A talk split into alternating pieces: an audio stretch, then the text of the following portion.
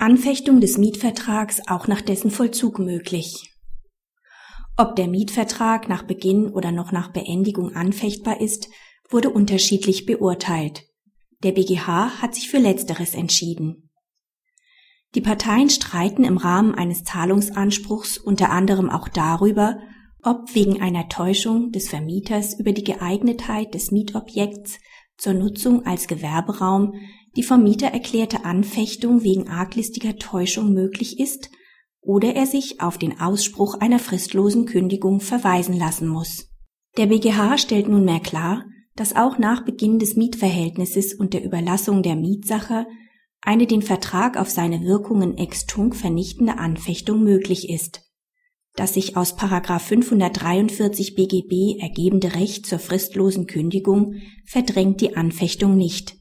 Die Anfechtung schützt den rechtsgeschäftlichen Entschließungswillen, während Kündigungs- und Gewährleistungsrechte sich auf eine Leistungsstörung beziehen.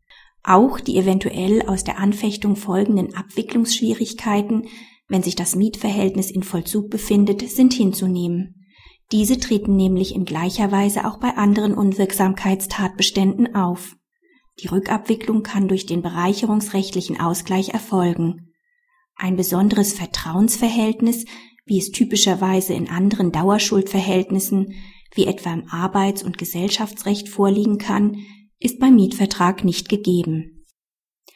Praxishinweis in der Rechtssicherheit schaffenden Entscheidung weist der Senat zugleich darauf hin, dass die Frage, ob nach Invollzugsetzung des Mietverhältnisses die Ausübung eines Rücktritts noch möglich wäre oder ob hier die Kündigungsvorschriften vorgehen, im letzteren Sinne zu beantworten ist. Ob dies zutrifft, erscheint nicht zweifelsfrei, denn auch bei dem nach der Rücktrittserklärung entstehenden Rückgewehrschuldverhältnis bestehen keine Schwierigkeiten, die gegenseitig empfangenen Leistungen rückabzuwickeln.